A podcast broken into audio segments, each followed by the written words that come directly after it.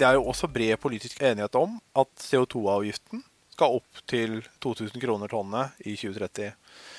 Og med 2000 kroner tonnet så vil mange tiltak som i dag er ulønnsomme, bli lønnsomme. Velkommen til Fremtidspodden denne uken med Jon Evang, som er fagsjef i miljøstiftelsen Zero. Der jobber han med hele bredden av energifeltet, med særlig vekt på utslippsfrie kraftsystem, nettutbygging, havvind, vindkraft på land, vannkraft og energieffektivisering. Jon Evang har en mastergrad i filosofi, og han har bakgrunn fra politikk og offentlig styring, bl.a. som seniorrådgiver i Olje- og energidepartementet. Han har også fagbrev, og har tidligere jobbet på oljeplattform. I denne episoden snakker vi bl.a. om hvordan klimapolitikk og CO2-prising i årene som kommer kan påvirke mulighetsrommet til industrien, og om hvilken betydning valgresultatet kan få. Jeg heter Kasper Synnevåg, og Fremtidspodden er produsert av Kraftverk digital kommunikasjon på oppdrag for energimessen OTD Energy, i samarbeid med Innovasjon Norge. Og til orientering, med tanke på noe som ble sagt i samtalen om den kommende regjeringen, så ble denne episoden spilt inn etter stortingsvalget, men før partiet SV hadde brutt ut av regjeringsforhandlingene.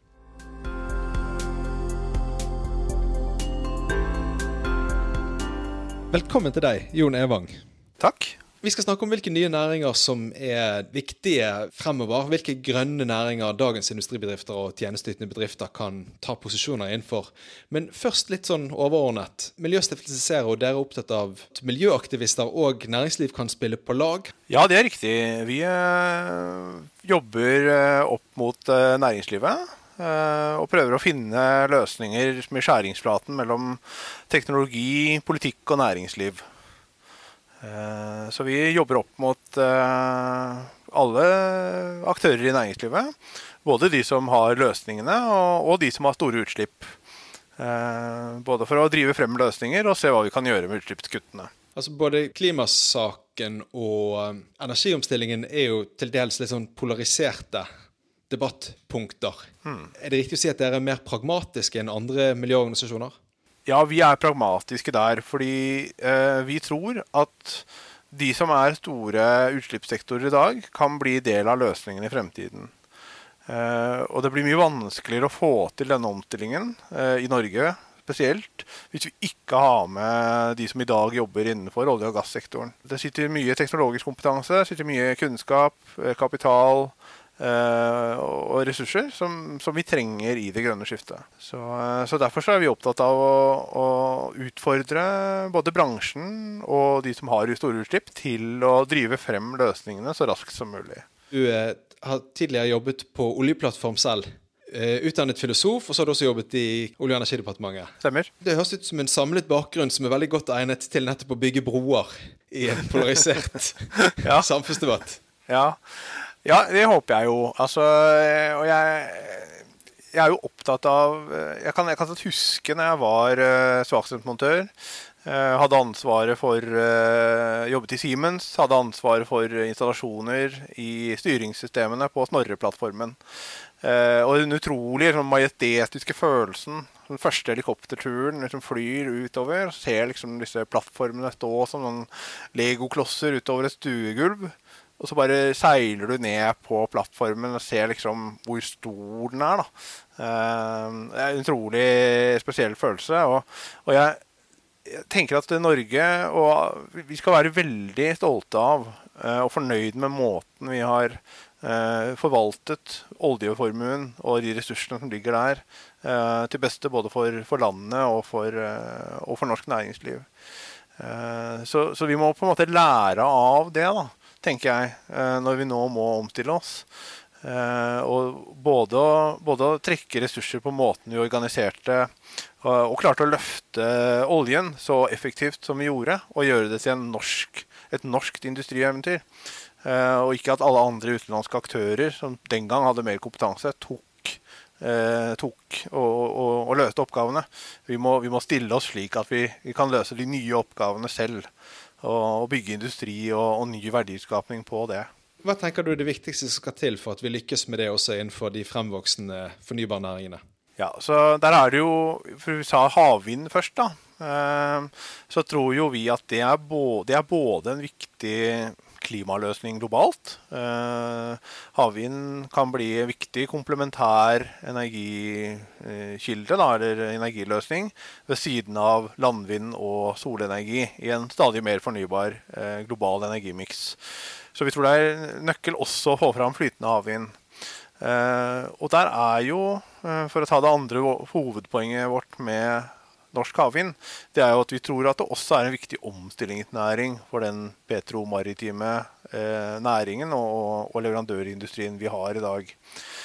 Og da tror jo vi at eh, vi for det første må komme i gang med å lyse ut de områdene og eh, få, få, avholdt en auksjon, eller hva det nå blir. da. Eh, vi har foreslått en kvalitativ tildeling. Eh, at vi får i gang de eh, pilot, storskala pilotprosjektene for flytende havvind eh, på Utsira nord. Og at vi så raskt som mulig setter oss et nytt mål om å åpne flere områder. For det å bygge ut 4,5 gigawatt havvind, som Norge foreslår nå, det er en grei start. Og så må vi gire opp ganske raskt hvis vi skal ta en posisjon. Eh, så Derfor har vi foreslått f.eks. For et mål om 10 gigawatt havvind på norsk sokkel innen 2035. Jeg ser dere skriver eh, at eh, med Norge som verktøyskasse så kan vi skape globale endringer. Hva, hva legger dere i det? Rett og slett at der vi kan gjøre størst forskjell, det er overfor norske politikere, næringsliv og beslutningstakere. Så Derfor så har, vi det som, har vi det som utgangspunkt for vårt arbeid. Så, så, når vi har vært med å jobbe for f.eks. elbilfordeler, så har det vært med å drive fram et tidligmarked for elbiler. Som da har gjort at stadig flere bilprodusenter har eh, begynt å konkurrere om å levere bedre og billigere biler. Eh, og etter hvert så får det Så da blir bilene bedre og billigere og mer tilgjengelige og flere. Eh, prisene faller, og man begynner å få ny batteriteknologi osv. Du får en en dynamikk der som, som, har ringvirkninger langt utover Norge, da, med tanke på introduksjon i markeder uten elbilfordeler. Uh, og det samme, Et annet eksempel er jo karbonfangst og -lagring. Uh, hvor det at Norge uh, etablerer en fangst- og lagringskjede, verdikjede for det, kan gjøre at andre land kan knytte seg til og, og få deponert inn CO2. og og vi kan også vise vei for hvordan dette kan altså, eh, eh, si utvides, da, og, og, kunnskapen eksporteres. Eh, og det, det, tilsvarende tenker vi egentlig for eh, flytende havvind. At hvis Norge med, med sin kompetanse, eh, og ikke minst den som finnes i, i den petromaritime leverandørindustrien, kan bidra til å løfte hav, flytende havvind så det blir effektivt og rimelig eh, i et globalt marked, så vil det være en vesentlig bidrag til en global klimaløsning. Vi hadde Frank eh, Emil Moen, som, som driver denne vindkraftklyngen i Egersund, som gjest i en tidligere episode. Og Han skilte jo mellom flytende havvind og bunnfast havvind på akkurat den måten. Han sa at innenfor bunnfast havvind så er det prosjekter under oppseiling som har vunnet eh, konsesjonsrunder osv., som går i pluss fra dag én, og som ikke er avhengig av subsidier. Men at vi på bunnfast havvind ligger litt bakpå da, i forhold til mange andre land. Men at flytende havvind det vil koste penger, men der kan vi til gjengjeld utvikle det i Norge, ta en internasjonal posisjon og være først på mange områder da, innenfor det. Mm. Er det et eksempel på det du sier nå, at Norge kan være en verktøyskasse? Ja, det er det. Da bruker vi eh, våre muskler, både gjennom virkemiddelapparat, eh, bedrifter og, og, og kunnskap, Eh, for å få fram eh, nye, nye, te nye, teknologier, nye flyteløsninger og nye konsepter for, for flytende havvind, som eh, forhåpentligvis da, kan være konkurransedyktige i et internasjonalt marked. Uh, må huske på at uh, En av de aller største utfordringene for klimasaken i dag uh, er jo at det fortsatt er mye kullkraft i drift, og bygges en del nytt. Det har kommet en del gode nyheter der, så det går absolutt i riktig retning. Men for mange vekstøkonomier, særlig i Asia, så er det om å gjøre at vi klarer å, å fase ut og stanse ny kullkraft. Og i den forbindelse så er det å komme opp med konkurransedyktig eh, fornybare alternativ helt avgjørende. Eh, og mange av disse landene har eh, veldig gode områder for havvind. Så, så, Derfor så tror vi at det er viktig at Norge, sammen med noen andre land Storbritannia har jo også satt seg mål om flytende havvind. Det har vel Sør-Korea også, så vidt jeg vet. Men, men, sammen så kan vi, de landene, være med å løfte det som en, som en teknologi og løsning som kan få stor global betydning. Nå har vi akkurat vært gjennom et valg der klima og energipolitikk var et, kanskje det selve det store temaet. Mm. Hva syns du om den debatten som, som var under valgkampen? Den var springende. Det var, kom mange spissformuleringer fra ytterkantene, eh, fra MDG og fra Fremskrittspartiet, mm, som ikke alltid var like produktive eh, eller konstruktive. Men mellom der syns jeg det kom veldig mye god klimadebatt. Eh, det var reelle diskusjoner om hvordan vi skal gå fram, Eh, om det går fort nok, eh, om eh, hva vi må gjøre nå for å nå målene i 2030. Så alt i alt syns jeg det var en god klimadebatt. Klimadebatt er, har jo mange aspekter. og Et av dem som har vært veldig fremtredende i Norge, har jo vært en sluttdato for oljen. Men jeg tror ikke det er riktig fremgangsmåte å sette en sluttdato. Og ofte så har det ført til at vi har fått mindre fokus på alt det andre vi må gjøre. Alle de andre løsningene vi må sette sterkere trykk på. Eh, som havvind, karbonfangst og -lagring, hydrogen, eh, utslippsfrie skip osv. Alle de løsningene hvor vi trenger internasjonal fremgang. Vi trenger løsningene. Norge er posisjonert for å levere dem eh, og tjene penger på dem. Men det, er, det, det drukner kanskje litt da, i, i, et fokus på at for eller mot sluttdato for oljen. Mm. Men denne valgkampen har, har, løftet det litt tydeligere. At vi må satse på de andre løsningene. Og det er bra. Med utgangspunkt i den debatten og med utfallet av valget, hvordan ser det politiske bildet ut fremover med tanke på hvilke signaler som sendes ut til næringene og sånt om hvor vi er på vei? Vi får med all sannsynlighet en trepartiregjering bestående av Arbeiderpartiet, Senterpartiet og SV. Eh, og jeg tror de vil være opptatt av å realisere mange av de løsningene vi trenger. Eh, inkludert havvind, hydrogen osv. Så, videre. så vil de kanskje ønske å gjøre det på andre måter enn dagens regjering. Eh, F.eks. ved sterkere involvering fra statens side. Eh, og det kan hende det er det som trengs. Eh, vi trenger å få fart på løsningene. Vi skal kutte eh, Vi skal halvere utslippene våre på ni år. Eh, så vi har veldig dårlig tid. Og, så mitt håp er at vi får en kraftfull satsing og virkemidler i regjeringsplattformen som setter oss på sporet av, eh, av, de løsningene vi trenger. Og som kobler næringspolitikk og klimapolitikk på en sånn måte at vi får volum og, og gjennomføringsevne for klimaløsningene.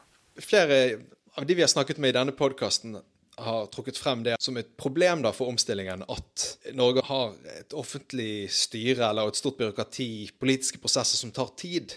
Mm. Sånn at ting ikke går fort nok til at vi kan ta de posisjonene som er nødvendig eh, nettopp for å posisjonere oss inn mot fornybar. Men så sa Ståle Kyllingstad fra IKM sa at han tenker det er prisen å betale for å bo i et demokrati. da. Mm. At eh, diktaturer osv. kan gjerne få gjennom endring raskere. Ser du noe sånn at det er en svakhet i systemet at ting går for tregt? Mm. Konsesjoner som du var inne på rundt eh, vindkraft f.eks. Altså, vi må jo hele tiden ha fokus på å gjøre det mest mulig effektivt, så vi ikke bruker unødig tid. Eh, samtidig så er, eh, er, jeg enig med Kyllingstad i det at eh, vi må, vi, må, ta oss den tiden vi tar. Det er et demokrati. Eh, vi må, vi, må, forankre, vi må ha folk med på løsningene. Vi må ha politisk aksept eh, som er solid nok.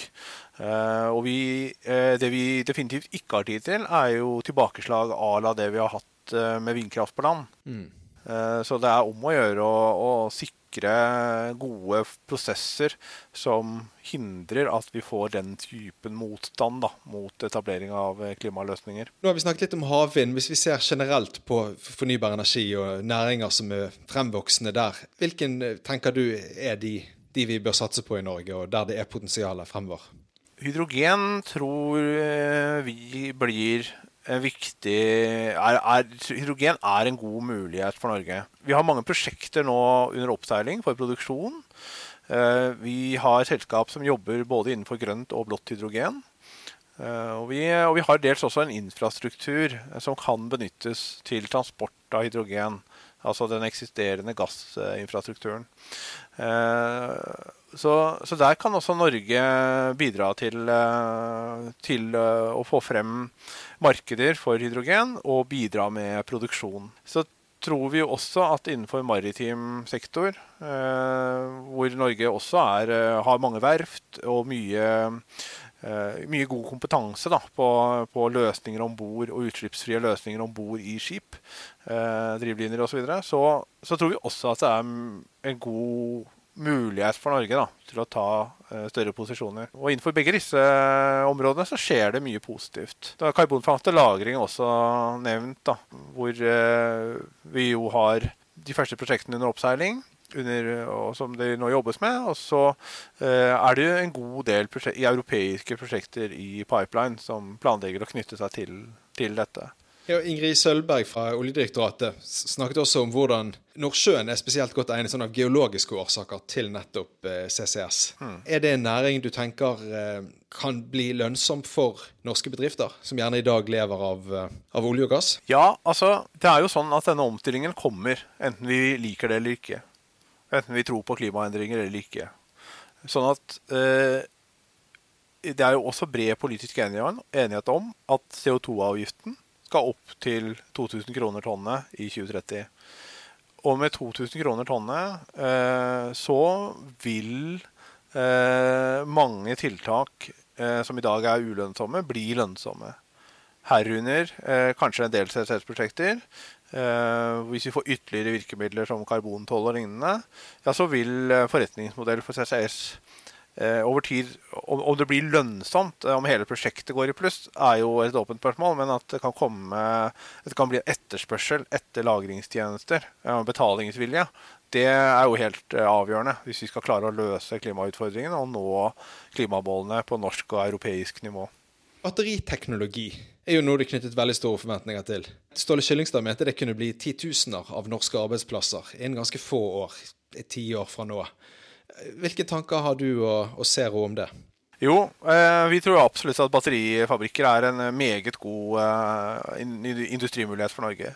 Basert på eh, en i utgangspunktet ganske rikelig tilgang på fornybar energi og geografisk beliggenhet.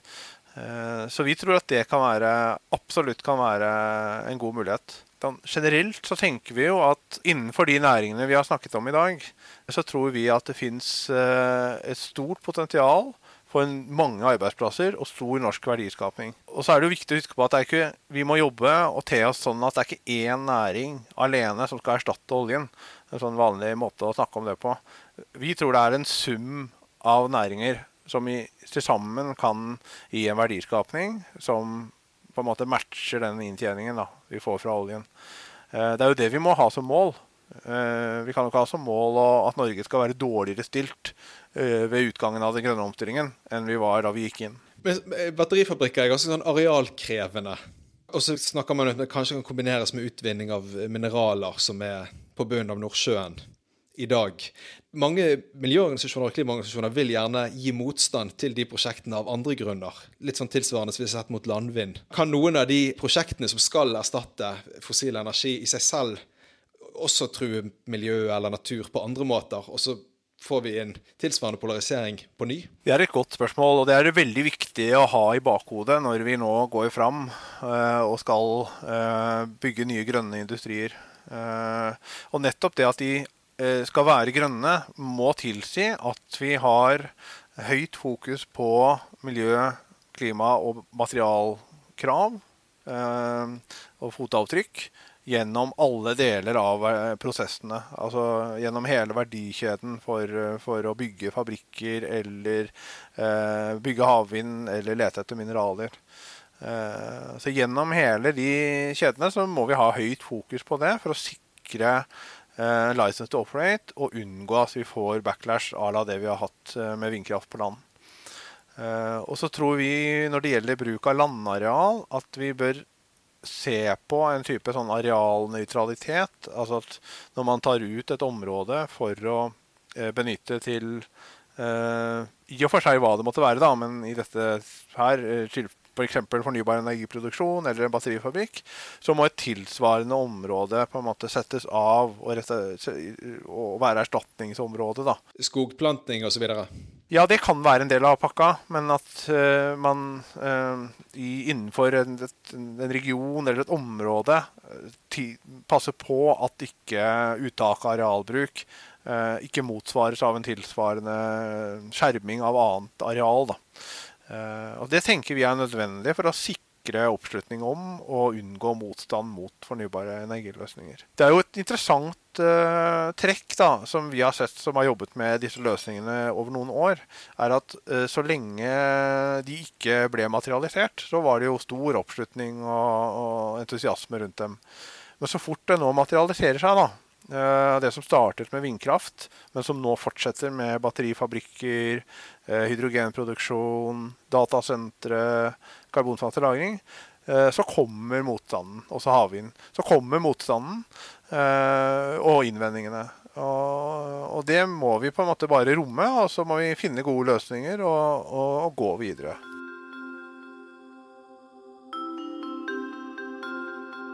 Dette er Fremtidspodden, så jeg må spørre hvor håper du at vi er i 2050?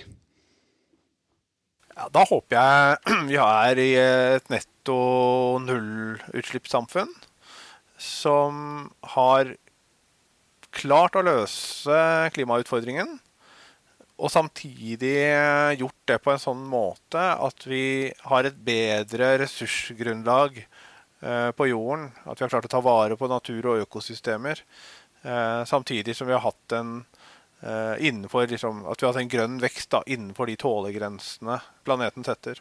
Og Jeg jobber jo med det jeg jobber, og i den organisasjonen jeg jobber, fordi jeg tror at eh, med de løsningene vi jobber for, så vil man komme og kunne leve like gode liv i et fremtidig nullutslippssamfunn som man lever i dag, men uten utslipp og med en langt større grad av sirkularitet i økonomien slik at vi ikke bruker opp ressursene vi har. Det at du er utdannet filosof, det er jo helt sikkert mange filosofiske problemstillinger å ta med inn i, i flere av de tematikkene vi har vært innom nå. Ja, det er det jo. Det er jo en, det er jo en grunnutdanning som jeg har stor glede av å trekke på. Eh, egentlig i alle eh, livets aspekter, da. også i jobben. Jeg tror at det vi trenger for å løse utfordringene både på natur- og klimakrisen, er en, er en grønn vekst. Altså at veksten, eh, økonomiske veksten er frikoblet fra utslipp og ressursuttak. Eh, og det er bare på den måten at vi klarer å få frem de løsningene vi trenger, eh, i det omfanget vi trenger. Det er veldig mange som mener at, må, at det å redusere forbruk og stanse utvikling i seg selv vil, er, en viktig del av løsningen. Men jeg er litt spørrende til det. Fordi eh, det, det er jo det, vi har jo hatt den tilnærmingen, egentlig har jo miljøbevegelsen hatt det hele veien. At uh, det, er, det, er, en grå vekst vi har nå. Uh, den kan bare opphøre ved at vi gjør mindre av den og begynner å spare på ressursene. Mens det vi egentlig trenger, er en reform til en grønn vekst som reduserer ressursuttaket og, og kutter utslipp. Jeg har inntrykk av at det er motstand mot for sånn, å forske på hvordan man kan kjøle ned atmosfæren, påvirke den osv. Mm. Jeg leste et intervju med en miljøaktivist som ble spurt om det, og da sa hun men det løser ikke det egentlige problemet, nemlig at eh, menneskeheten lever over evne, på en måte. da. Mm. Det er klart, det som Det, det finnes jo en del etter hvert veldig veldig kostnadskrevende og, og, vi bør jo løse klimakrisen med minst mulig eh, konsekvenser da, for mm. eh, natur og miljø eh, og ressursuttak. Så, så det, er, det, er, å ønske å unngå de mest ytterliggående løsningene der. Men, men, sånn som utviklingen er nå, så kommer vi ikke utenom f.eks. Eh, negative utslipp. Altså det å finne, eh, utvikle teknologier for, for å håndtere, ta ut CO2 fra atmosfæren. Og det er jo i emning, eh, men det er kostbart og energikrevende. Så vi bør forsøke å stille oss sånn at vi unngår, unngår den typen løsninger i størst mulig grad. Da. Når de legger frem jernbaneprosjekter har, der klimaavtrykket går i pluss etter kanskje 30 år, Innen 30 år så har vi kanskje fått eh, kanskje luftfarten blitt elektrifisert og slipper ut mye mindre enn hva de gjør i dag. Er det vanskelig å måle disse scenarioene opp mot hverandre når man skal tenke liksom flere tiår fremover og ta høyde for innovasjon på ulike fronter på en gang? Ja, det kan være litt vanskelig å si å, spå akkurat hva som vil være den mest uh, hensiktsmessige måten da, å, å, ta oss i null.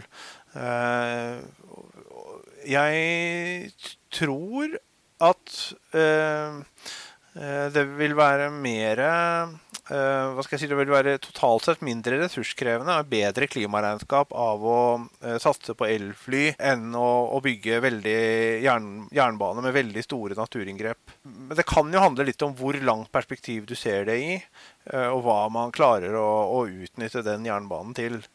Eh, men dette er eh, ikke en eksakt vitenskap eh, sånn sett. Men vi tror jo også at det å omstille luftfarten er, en, er mulig. Og nå, og nå, begynner det jo å dra seg til der, med, med planer fra videre om, om elfly fra, fra, midten av 2020-tallet. Jeg hadde han Jon Markus Lervik fra Cognite som gjest i siste episode. Han er teknolog og jobber med å digitalisere norsk industri. Da. Han sa det om klimaendringer at han mente at det til syvende og sist må løses med ny teknologi, klimaproblemet. Han sa vi vil bli flere mennesker, vi vil forvente stadig høyere levestandard. Og det bryter jo egentlig med det sånn vernprinsippet som miljøvernere tradisjonelt har vært opptatt Men det høres jo ut på mange måter som du er litt enig med han, da, at du mener vi kan liksom forske oss fremover heller enn å tre tilbake, på en måte? Ja, jeg, jeg, jeg tror også det er eh, Det er i hvert fall hovedutfordringen for verden som den ser ut i dag hvor eh, veldig mange mennesker ikke har tilgang til energi eller eh, et kjøretøy eller, eller, helt grunnleggende eh, goder, så vil det eh, i veldig mange land og for veldig mange mennesker på jorden fortsatt være eh, et stykke fram til de har en levestandard som, som vi ville betrakte som akseptabel. da. Uh, og, og, for at vi skal få til det, da, samtidig som vi løser klimautfordringene, så er vi nødt til å, å ha en god del teknologi og eh, effektive løsninger i stort da, for å få det til. Altså utslippsfrie kjøretøy, fangst og lagring av, av CO2 og, og, store mengder fornybar energi eh, som kan forsyne dette. Det er i hvert fall en løsning jeg tror blir viktig eh, i over, all overskuelig framtid. Eh, og jeg tror at grønn vekst er den mest lovende muligheten vi har, eh, og realistiske muligheten vi har i dag for å løse klimautfordringen, samtidig som vi sikrer at eh, folk med lavere levestandard kan få dette uten at det går på bekostning av, eh, av jordens reproduksjonsevne. Får inntrykk av at EU har fått ganske sånn fart på den grønne omstillingen gjennom disse pakkene de har lagt frem under covid osv. Mm. Hvordan vil du vurdere at Norge ligger an sånn internasjonalt? Ja, Det er et godt spørsmål. Altså, EU er jo den regionen i verden som har høyest klimaambisjoner og mest effektiv politikk for å nå klimamålene sine. Og også kanskje størst insentiver til å nå dem. Eh, og det bør jo vi notere oss, som, som ligger midt i, eh, i Gåstein, eh, EU. Eh, og med Storbritannia på ene side, som, som, også har store klimaambisjoner, eh, spesielt for næringer til havs. Eh, sånn at det Det er sannsynlig at utviklingen Altså EU vil drive utviklingen for mange av de løsningene vi har snakket om i dag, ganske raskt fremover nå. Eh, og, og det er en utfordring for norsk næringsliv og norsk politikk. Eh, det må vi ta på alvor, og vi må rigge oss sånn at vi ikke eh, blir overrasket over tempoet EU eh, e har i å drive fram havvind og hydrogen og batterifabrikker. Så, vi må våge å satse. Og vi må kanskje også våge å tenke at uh, vi på et eller annet tidspunkt må justere rammebetingelsene på petroleumsvirksomheten, sånn at uh, de beste hodene vris over i nye næringer, og kapasiteten brukes der, framfor å, å, å hente ut de aller siste ressursene på, på norsk sokkel. Men da sier jeg tusen takk for samtalen. Selv takk. Takk for at du kom med.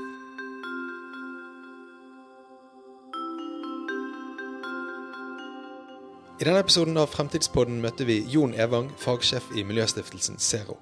Denne podkastserien er laget for OTD Energy, energimessen som går av stabelen i Stavanger 20. til 21. oktober, altså senere denne måneden. Podkasten er støttet av Innovasjon Norge og produsert av Kraftverk digital kommunikasjon.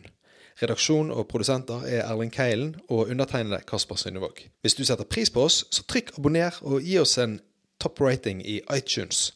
På den måten så hjelper algoritmene til at flere blir oppmerksomme på podkasten. Tusen takk for at du hørte på.